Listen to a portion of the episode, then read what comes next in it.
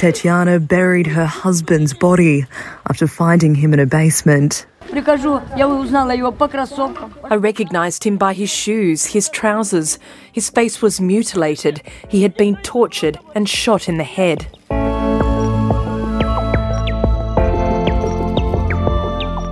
Dit is Ondertussen in de Kosmos, de podcast van de Volkskrant, waarin we alles en iedereen door een wetenschappelijke bril bekijken. Mijn naam is Tony Mudde, chef van de wetenschapsredactie hier. En we gaan het vandaag hebben over de wetenschap achter een van de meest duistere eigenschappen van de mens, namelijk vreedheid. U hoorde hier net op ABC News een Oekraïense mevrouw vertellen over hoe ze haar man terugvond nadat de Russische troepen haar woonplaats hadden verlaten. De man had een verminkt gezicht, was duidelijk gemarteld, doodgeschoten door het hoofd. Die ongekende vreedheid is iets wat we in de geschiedenis natuurlijk veel vaker zien, zeker in oorlogstijd. En het roept een ongemakkelijke vraag op. Wat bezielt mensen die tot zulke gruweldaden in staat zijn? En schuilt er in iedereen een potentiële oorlogsmisdadiger als je maar in de verkeerde omstandigheden terechtkomt? Daarover ga ik het hebben met Margriet Oostveen, die sinds kort bij de wetenschapsredactie werkt en zich focust op de sociale wetenschappen. Uh, Margriet, het is bijna standaard, toch? Dat bij oorlogen dat mensen in staat blijken tot de meest verschrikkelijke gruweldaden. Ja, en daarom is het eigenlijk best opmerkelijk dat Nederlanders die die daden hebben gepleegd, nog niet zo uitgebreid zijn onderzocht als je misschien zou verwachten. En, en Nederlanders? En wat voor, wat voor soort Nederlanders moet ik dan denken? Uh, extreem gewelddadige, collaborerende Nederlanders. Mm -hmm. Er zijn er na de oorlog 43 ter dood veroordeeld. Ja. Een aantal van hen heeft verschrikkelijke dingen gedaan. Sommigen zijn wel eerder al onderzocht. Er zijn biografieën verschenen. Maar nooit eerder is er een stel als groep onderzocht om te kijken of er misschien patronen zichtbaar werden overeenkomsten, achtergronden die iets zouden kunnen vertellen over het waarom. Van wat is het nou van precies? vreedheid en waar komt het vandaan? Ja. En, kan je een voorbeeld geven van zo'n uh, van zo'n collaborateur? Want dit komt uit een, uh, uit een onderzoek van, van historicus Paul van der Water. En die is hierop gepromoveerd, toch? Ja, die promoveert uh, bij de faculteit Geesteswetenschap in Amsterdam. Mm -hmm. Op zijn proefschrift, dat heet Collaboratie en Geweld. Mm -hmm. En um, hij beschrijft 31 extreem gewelddadige collaborateurs. Dat extreem gewelddadige is echt een hele afgebakende categorie. Ja. Waarbij je ervan uit moet gaan. Hij heeft daar nog een hele ja, technische benaming voor.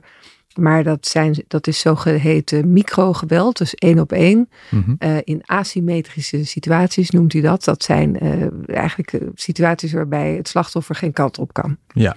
Dus het gaat niet om uh, geweld op het oorlogsveld, om maar wat te noemen, op het slagveld. Ja, want maar, daar, daarvan zou je in oorlogstijd kunnen zeggen van ja, dat is nou eenmaal je baan. Precies. Schieten op de vijand. Maar het gaat ja. om, om ja, wat na de oorlog heel lang als sadistisch geweld is beschreven. Mm -hmm mishandelen, folteren, maar ook natuurlijk doodschieten, executeren, ja. afvoeren naar de kampen met martelingen of andere vreselijke dingen. Ja. En, en uh, ja, kan, je toch maar eens even een voorbeeld geven van zo'n collaborateur en wat hij dan precies deed? Er staan ontzettend veel voorbeelden in het boek. Het boek mm -hmm. is echt vergeven van de verschrikkelijke details. Ja.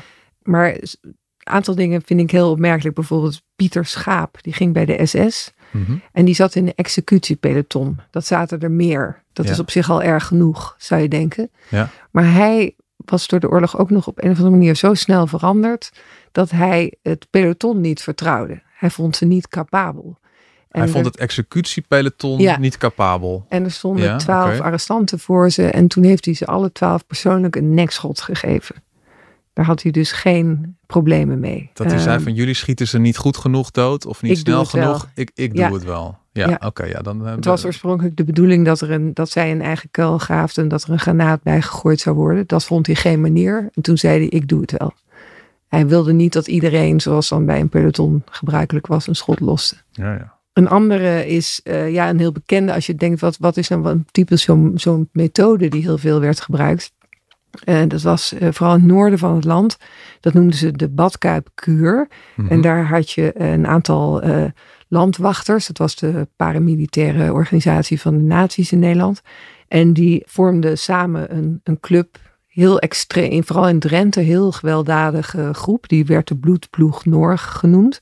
En de badkuipkuur kwam erop neer dat als arrestanten al verhoord en mishandeld waren, dan werden ze aan handen en voeten gebonden in een badkuip gegooid, uh, ondergedompeld en uh, in koud water tot ze bewusteloos waren. En dan werden ze weer bijgebracht en dan werden ze weer ondergedompeld.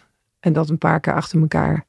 Je moet een beetje aan waterboarden ja, denken. Ja, dat doet me inderdaad aan denken. maar dat, was, dat is met zo'n zo'n zak Ja, over je hoofd, toch? Dit is veel erger dan waterboarden eigenlijk. Paul van der Water vertelde me, de auteur, dat zijn promotor had gezegd: nee, dat kun je echt niet zo noemen, want dit is echt iets anders. ja, ja. Dit gaat namelijk daadwerkelijk helemaal onder water. Waterboarden is water over iemand heen gieten, waardoor die geblinddoekt denkt Dat die stikt. dat hij stikt. Ja, Ook verschrikkelijk.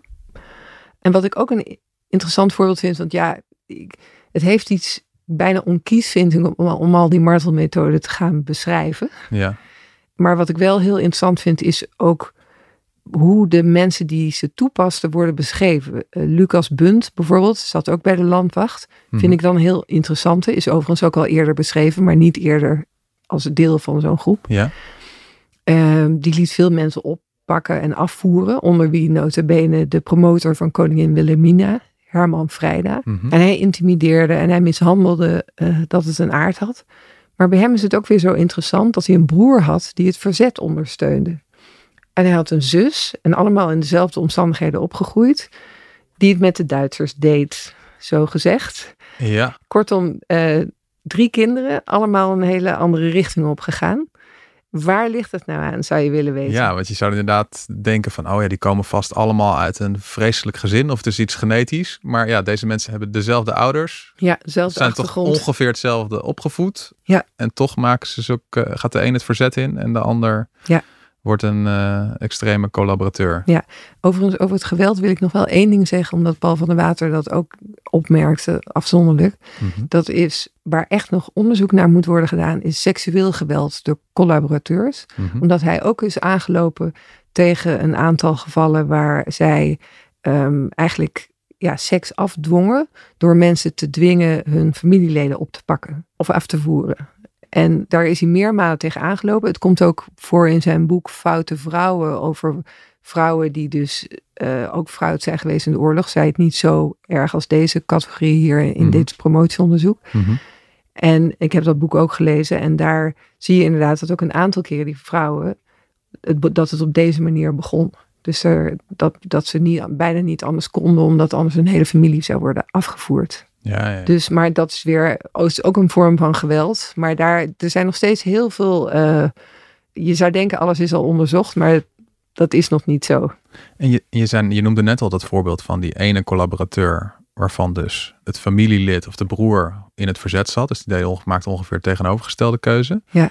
Is er dan wel een patroon te ontdekken door wetenschappers van, nou ja, het zijn toch wel vaak dit soort type figuren die in staat blijken tot vreselijke gruweldaden. Ja, nou ja, je zou, dat is een klein beetje. Het, je zou bijna zeggen, het teleurstellende aan het onderzoek, vindt Paul van der Water zelf overigens ook. Er is niet een patroon. Je Mhm. hoopt natuurlijk dat er een patroon zichtbaar wordt. Dat is, heeft hij niet gevonden. Eh, maar er zijn wel echt patronen die opvallend vaak voorkomen. Ja, dus daarom, hij noemt het teleurstellend, maar ik denk, dit is al zo goed om, om zoveel gevallen naast elkaar te leggen. Ja. Het is een begin. Hè? Van hieruit kun je weer verder. En dan zijn er wel toch een aantal he- hele interessante overeenkomsten. Bijvoorbeeld van die 31 mannen op, op ongeveer twee of drie na Mhm. is niemand opgevoed met een religie of een andere levensbeschouwing, zoals bijvoorbeeld het communisme. Dat is zeker in die Dat tijd, is is, dat bijzonder. In ja. die tijd heel Ja. bijzonder. Eh, geen van allen vertoonde, dit vind ik ook heel bijzonder, voor de oorlog crimineel of gewelddadig gedrag. Er is nog geen klap uitgedeeld, bij wijze van spreken. Althans, die heeft Paul van der Water niet kunnen vinden. Want dat Oh, moet ik natuurlijk wel bij zeggen. Zijn onderzoek is zeer uitgebreid archiefonderzoek. Zoek. Mhm. Zijn promotor Frank van Vree noemt hem de bulldozer. En dan, Ja. dan doelt hij op de manier waarop hij door alle archieven heeft zich heen heeft geploegd. Eh, maar daar blijft natuurlijk bij, want ja, ze leven niet meer en ehm, en familieleden wilden vaak niets zeggen. Dus het gaat wel om echt om wat heb je aangetroffen. Ja. Veel mensen zijn later wel voor de rechtbank geweest, dus er zijn wel hele dossiers over ze waar ook heel Mhm. veel in staat over hun, hun jeugd en opgroeien en opvoeding. Ja. Maar van al deze mensen heeft hij dat dus in ieder geval niet kunnen vinden. Dus die zijn niet eerder, want dat, ik, ik sprak ooit een keer uh, een, een Utrechtse docent, ook gespecialiseerd in, in, uh, in oorlogsmisdaden. Mm -hmm. uh, zij heet Iva Vukusic en zij heeft ook veel werk voor het Joegoslavië-tribunaal gedaan. En zij zei dus zo van ja, het viel mij toch wel vaak op dat de figuren die hier nou ja, uiteindelijk voor de rechter moesten verschijnen voor gruweldaden, dat waren toch wel vaak de types die eigenlijk in vredestijd waren dat wat gefrustreerde, agressieve mannen. Ja. ja, die dan vaak ook een beetje onderaan de maatschappelijke ladder stonden. Want ja, in vredestijd kom je met uh, lichamelijke agressie en, en een kort lontje kom je niet zo heel ver in de maatschappij.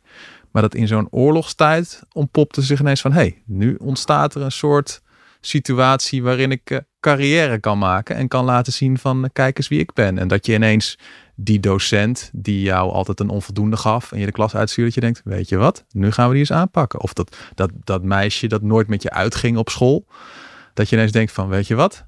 Die gaan we nu eens even verkrachten. Dat, dat, dat zei van, ik vond, die had het idee, maar dat was dan meer op basis van haar persoonlijke observatie. Van het waren wel vaak dat soort types. Ja, ja, dat is interessant, want iets vergelijkbaars ziet van de water ook. Niet dat wraakelement direct op een, enkele, op een enkel geval na, Mhm. maar wel, eh, even, als je even uitsluit dat ze dus geen religie hadden, wat relatief ongewoon is, waren ze voor de rest heel gewoon. Ja. En ehm, was niks opvallends aan. Ze waren ook vaak van armoedige komaf Ja. en laag opgeleid. Nou is het heel belangrijk om bij dat laag opgeleide aan te, even, nog even te zeggen dat het feit dat ze zo werden niks zegt over hun intellect. Want ze waren vaak laag opgeleid omdat ze geen kans kregen om een hogere opleiding te doen. Dat was in die tijd zo. Lang niet iedereen mocht studeren, Ja. mocht naar het Ja. gymnasium. Ja. Dus daar zat ook heel wat frustratie bij Mhm. mannen die wel eh, intelligent genoeg waren, maar niet verder kwamen. Ja. Het was gewoon een kwestie van kansenongelijkheid vaak, zoals we dat nu noemen. Ja. En dan was er nog een heel groot deel eh, heel kil en liefdeloos opgevoed. De- deels uit de omstandigheden dat het arme gezinnen waren. Er is er bijvoorbeeld één die uit een gezin van 16 kinderen komt. En eigenlijk van jongs af aan al zelf maar moest zien hoe hij aan zijn eten kwam. Op die Ja, manier. ja. Dus ja, eh, nogal wat van deze collaborateurs voelden zich miskend of onrechtvaardig behandeld. En ehm, had dus eigenlijk als drijfveer vaak eh, de wens om hoger op te komen. Een hele opportunistische reden. En het nationaal socialisme gaf ze de kans eh, carrière te maken op een manier die ze in het gewone leven nog niet hadden meegemaakt. Ja. Dan nog overigens kun je afvragen waarom ze zo gewelddadig worden. Maar dat verklaart in ieder geval waarom ze met de nazi's hulden. Ja, precies. La- Laten we eens naar een, eh, een historisch fragment luisteren over iemand die nog veel meer doden op zijn geweten heeft dan deze collaborateurs. Eichmann is found guilty of crimes against the Jewish people, crimes against humanity, and war crimes. The verdict made Eichmann liable to become the first man to be executed under a civil court verdict in the state of Israel. Eh, we hoorden hier een eh, oude nieuwsuitzending over de veroordeling van Adolf Eichmann, de nazi die een hoofdrol speelde bij het afvoeren van miljoenen Joden naar de concentratiekampen. En een man die ook een hoofdrol speelde bij het wetenschappelijk debat over de vraag hoe kan iemand in hemelsnaam zo slecht worden? Kun je daar wat meer over vertellen? Ja, je moet weten dat tot die tijd had eigenlijk ehm, wat je het vaakst hoorde over die vraag, of het antwoord op die vraag was wat ze wel de Mad Nazi Theory noemen. Dus eigenlijk gingen onderzoekers of mensen die nazi's beschreven er vaak vanuit dat ze sadisten waren, compleet gestoord, psychoten, dat er iets mis met je moest zijn Ja, als je dit soort verschrikkelijke dingen organiseerde. zo van dan moet je echt gewoon totaal gestoord zijn. Dat doen geen normale mensen. Ja. Toen begon het Eichmann-proces en Hannah Arendt, eh, politiek denker, werd door de New Yorker, het beroemde Amerikaanse tijdschrift, naar de rechtszaal gestuurd om verslag te doen. Zij heeft Eichmann daar zitten observeren, Mhm. overigens net als Harry Mulisch, onze Nederlandse schrijver die daar ook in de rechtszaal zat. Ja, Maar we houden het nu even bij Hannah Arendt. En zij heeft eh, beschreven hoe Eichmann zich daar als een volstrekt gewone meneer presenteerde. Zij ontwikkelde toen eigenlijk de theorie dat nazi's nauwelijks van gewone burgers verschillen. Eh zei dat ze misschien wat gevoeliger zijn voor gezag en voor groepsdwang. mhm. Ofwel, het kwaad kan worden uitgevoerd door gewone mensen in bijzondere omstandigheden. Die bijzondere omstandigheden waren de oorlog. Eh, zij noemden dat de banaliteit van het kwaad. Ja, dat is een Daarmee bekende ver- term. Ja, daarmee verwezen dus niet naar wat er was gebeurd, daar was niks banaals aan, maar wel naar de motieven, eh, de redenen waarom mensen daartoe overgingen. En dat had vaak niks te maken met grote ideologieën, maar gewoon met puur opportunisme. Al Maar dat, maar eigenlijk. dat is dan een soort redenering zo van, nou, je bent, bent ambtenaar en je moet normaal, ik noem maar wat, je bent verantwoordelijk om eh, per jaar eh 10 kilometer spoorweg aan, aan te leggen. En dan ineens is er een nieuw regime en die zegt, je bent nu verantwoordelijk om per jaar eh 10.000 eh, joden af te voeren. En dan ga je dat dus gewoon doen. Ja. En dan doe je je werk goed en dan maak je misschien wel carrière en maakt het uit dat het nu mensen doden is in plaats van spoorwegen aanleggen. Ja, precies. En dan is de uiterste consequentie dat onder de verkeerde omstandigheden iedereen een massamoordenaar zou kunnen worden. Ja.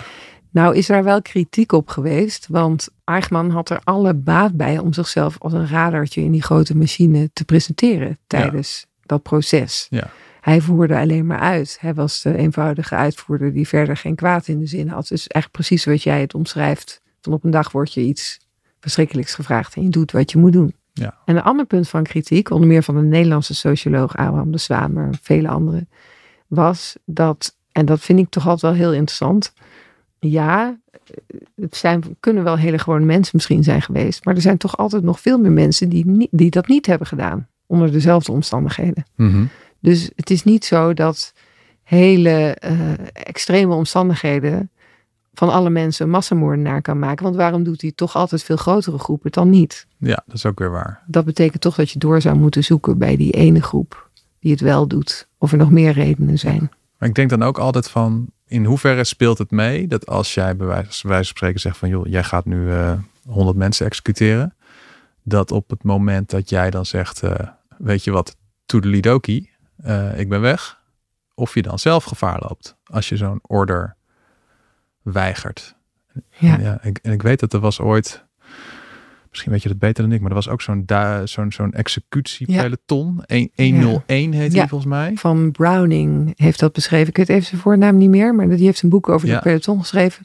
Dat onder de nazi's in Polen een enorme groep eh, Joden heeft doodgeschoten. Tienduizenden. dat bijzondere daarvan is dat één, dat het heel goed opgeschreven is, wat er nou precies gebeurd is. Omdat die mensen na afloop zijn een groot deel daarvan eh, ook eh, voor de rechter geweest. En is allemaal opgeschreven van, hey, wat is daar precies gebeurd? Dus er zijn heel veel getuigenverslagen van. En het bijzondere was ook dat dus die, eh, nou ja, die commandant op dat moment, vlak voordat ze dat dorp ingingen om te gaan moorden, dat hij zei van, nou, ik, het is een verschrikkelijke opdracht die we hier krijgen. Dus alle begrip, eh, als je hier niet aan mee wil doen, Ja, ja. eh, st- stap maar naar voren en dan, dan hoef je er niet aan mee te doen.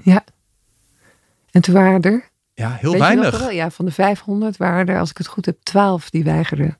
Ja, Terwijl er geen consequenties eh, voor waren. en, en daar heb ik, ja, ik, ik heb daar ook over gesproken met, met, met wetenschappers, omdat ik er toen de tijd ook een artikel over heb geschreven van hoe kan het nou met die gruweldaden in de Oekraïne. En die zeiden ook van ja, maar het is, dat zijn dan, besef wel dat ook op dat moment is er nog steeds sociale druk. Want je Mhm. kan daarna weer in een oorlogssituatie komen waarin jij dan toch afhankelijk bent van jouw soldatenmaten of die jou gaan helpen of niet. Of dat ze je ergens laten liggen in de loopgraven of niet. Ja. En als jij degene bent die niet meedoet, dat dat soms echt in een oorlogssituatie een veel grotere horde kan zijn dan wij in vredessituatie beseffen. Ja, en een oorlog is een snelkookpan. En Die, en dat is echt een factor die voor ons heel moeilijk in te schatten is. Dat Ja. was de Tweede Wereldoorlog ook. Dat is ook een reden dat sommige mensen, deskundigen ook die ik heb gevraagd mee te lezen met het proefschrift, zeggen van je kan niet ieder extern onderzoek over geweld toepassen op geweldige, gewelddadige collaborateurs. Omdat Ja.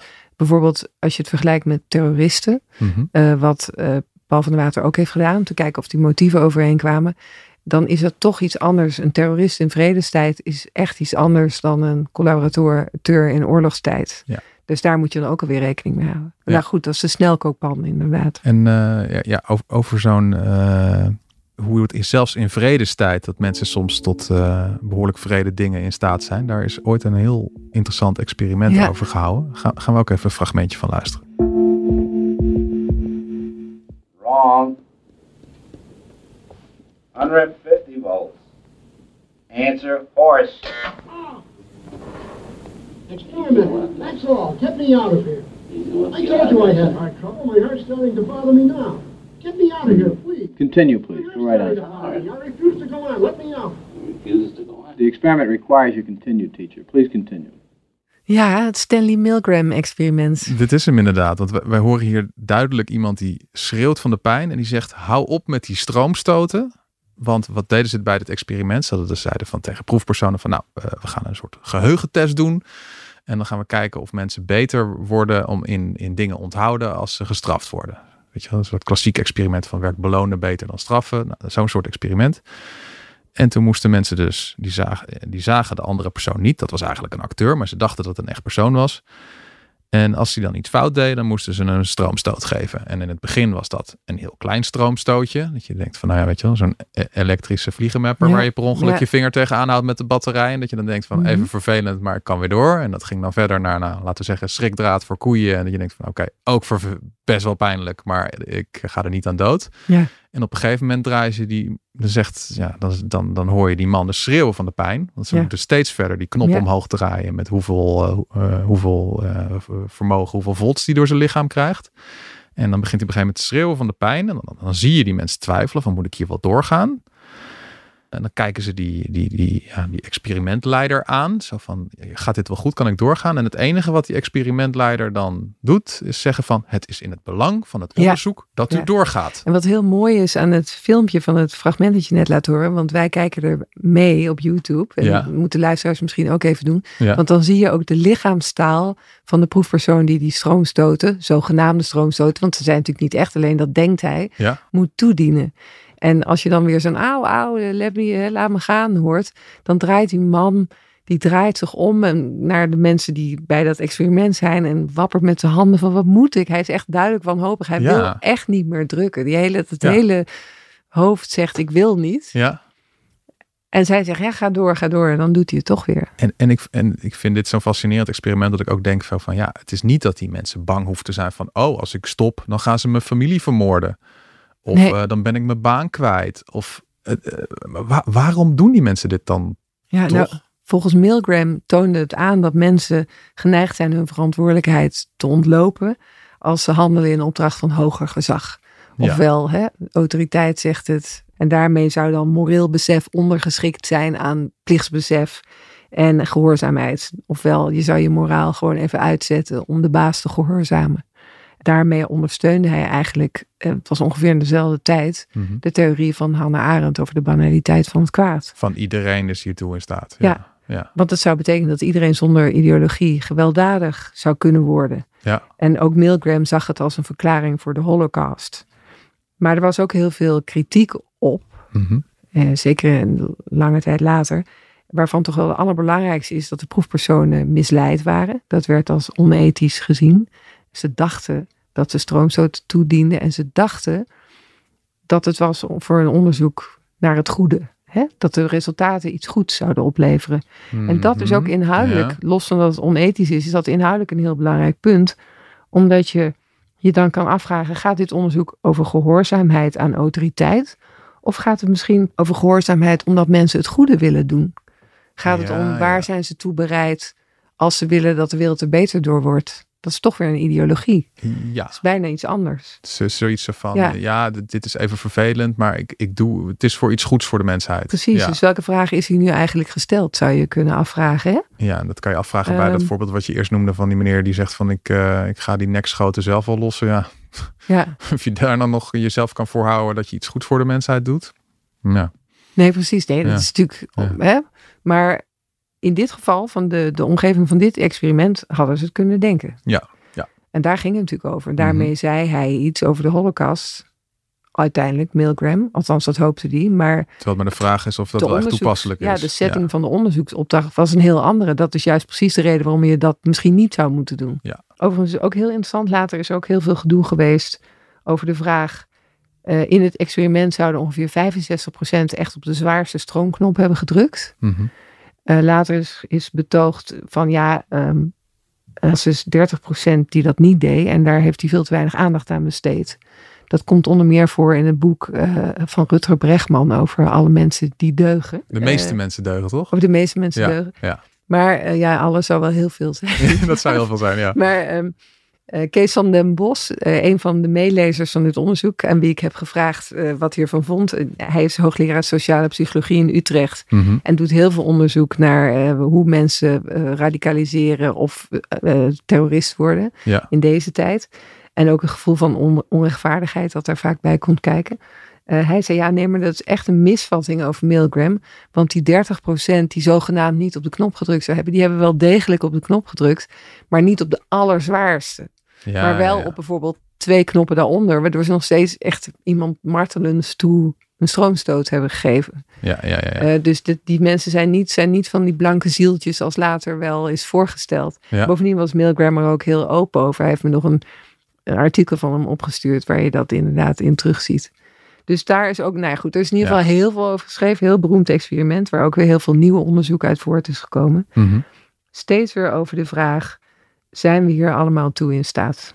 En, Ja. en eh, ja, als ik het zo hoor, dus op basis van die biografieën en op basis van dit Milgram-experiment, is de conclusie eigenlijk van: het is wel duidelijk dat mensen in oorlogssituatie tot meest vreselijke dingen in staat zijn. Eh, gehoorzaamheid speelt absoluut een rol. En daarnaast vaak ook nog wel persoonlijke factoren, als een eh, liefdeloze opvoeding. En is er iets van een, iets wat jou in een betere positie brengt? Van de Water noemt dat de hefboomfunctie. Mhm. Dus lid worden van de SS, Waffen-SS, bracht deze mensen een carrière. Ja, ja, ja. Ook een kans om zichzelf te verrijken, bijvoorbeeld. Mhm. Als je heel opportunistisch bent, is dat toch een hefboomfunctie. En zo zijn wetenschappers hebben dus gewoon wel een aantal factoren te pakken, maar Ja, Ja, het is, ze zijn nog lang niet op het niveau volgens mij dat ze kunnen zeggen, weet je wat, van deze duizend mensen, als er nu de oorlog zou uitbreken, die, die en die en die, ja. dat gaat helemaal fout. En wat ik nou zo interessant vind, dat zeiden ook de meelezers. De andere was Nicky Sterkenburg, die zelf Ja. onder, een, men extreem rechts onderzoekt. Mhm. en daarop gepromoveerd is. Kijk, want er zit ook een analyse bij. En ja, die is lastig, juist omdat er niet één patroon is gevonden Mhm. bij dit onderzoek. Maar zij wijzen erop, hoewel dat in dit onderzoek vrijwel onuitvoerbaar is, maar je zou eigenlijk, zoals in de meeste wetenschappelijk onderzoek, een controlegroep willen hebben. Ja. En de volgende stap, ondoenlijk voor een man uit Almere, zoals Paul van de Water, zoals hij zelf zegt, maar Ja. misschien voor een volgend onderzoek. Je zou het willen vergelijken met mensen die die keuze niet hebben gemaakt. Zoals de socioloog Abraham de Zwaan ook zei over de theorie van Hannah Arendt. Er zijn altijd mensen die het in vergelijkbare omstandigheden niet doen. Ja. En dat is natuurlijk een heel interessante vraag. Wie neem je als controlegroep?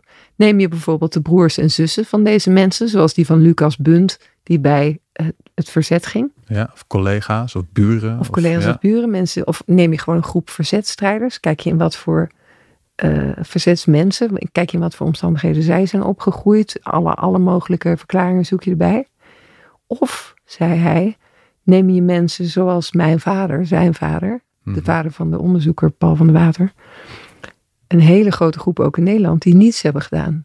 Die niets fout deden, maar ook niks goed deden. Ja, Zeg ja. maar de mensen die wegkeken als het heel ingewikkeld werd. Ja.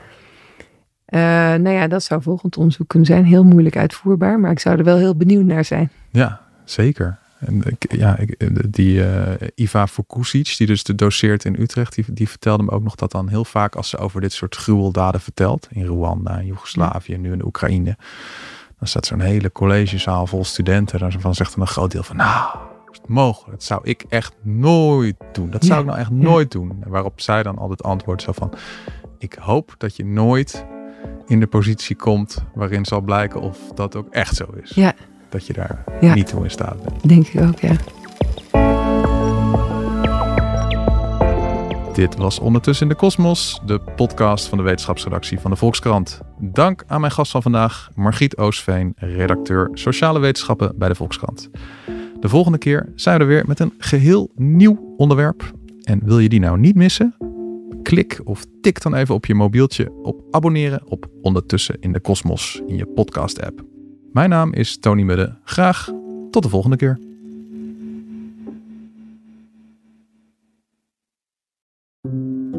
Hi, mijn naam is Corine Kolen en je luistert naar De Liefde van Nu. In de 18 jaar dat ik interview over de liefde heb ik die nog nooit zo zien veranderen als op dit moment. Grenzen tussen vriendschap en liefde zijn veel minder scherp. En ook de strikte verschillen wat betreft seksuele geaardheid en voorkeuren zijn aan het vervagen. In deze podcast interview ik telkens iemand die vertelt over hun zoektocht naar liefde en vriendschap.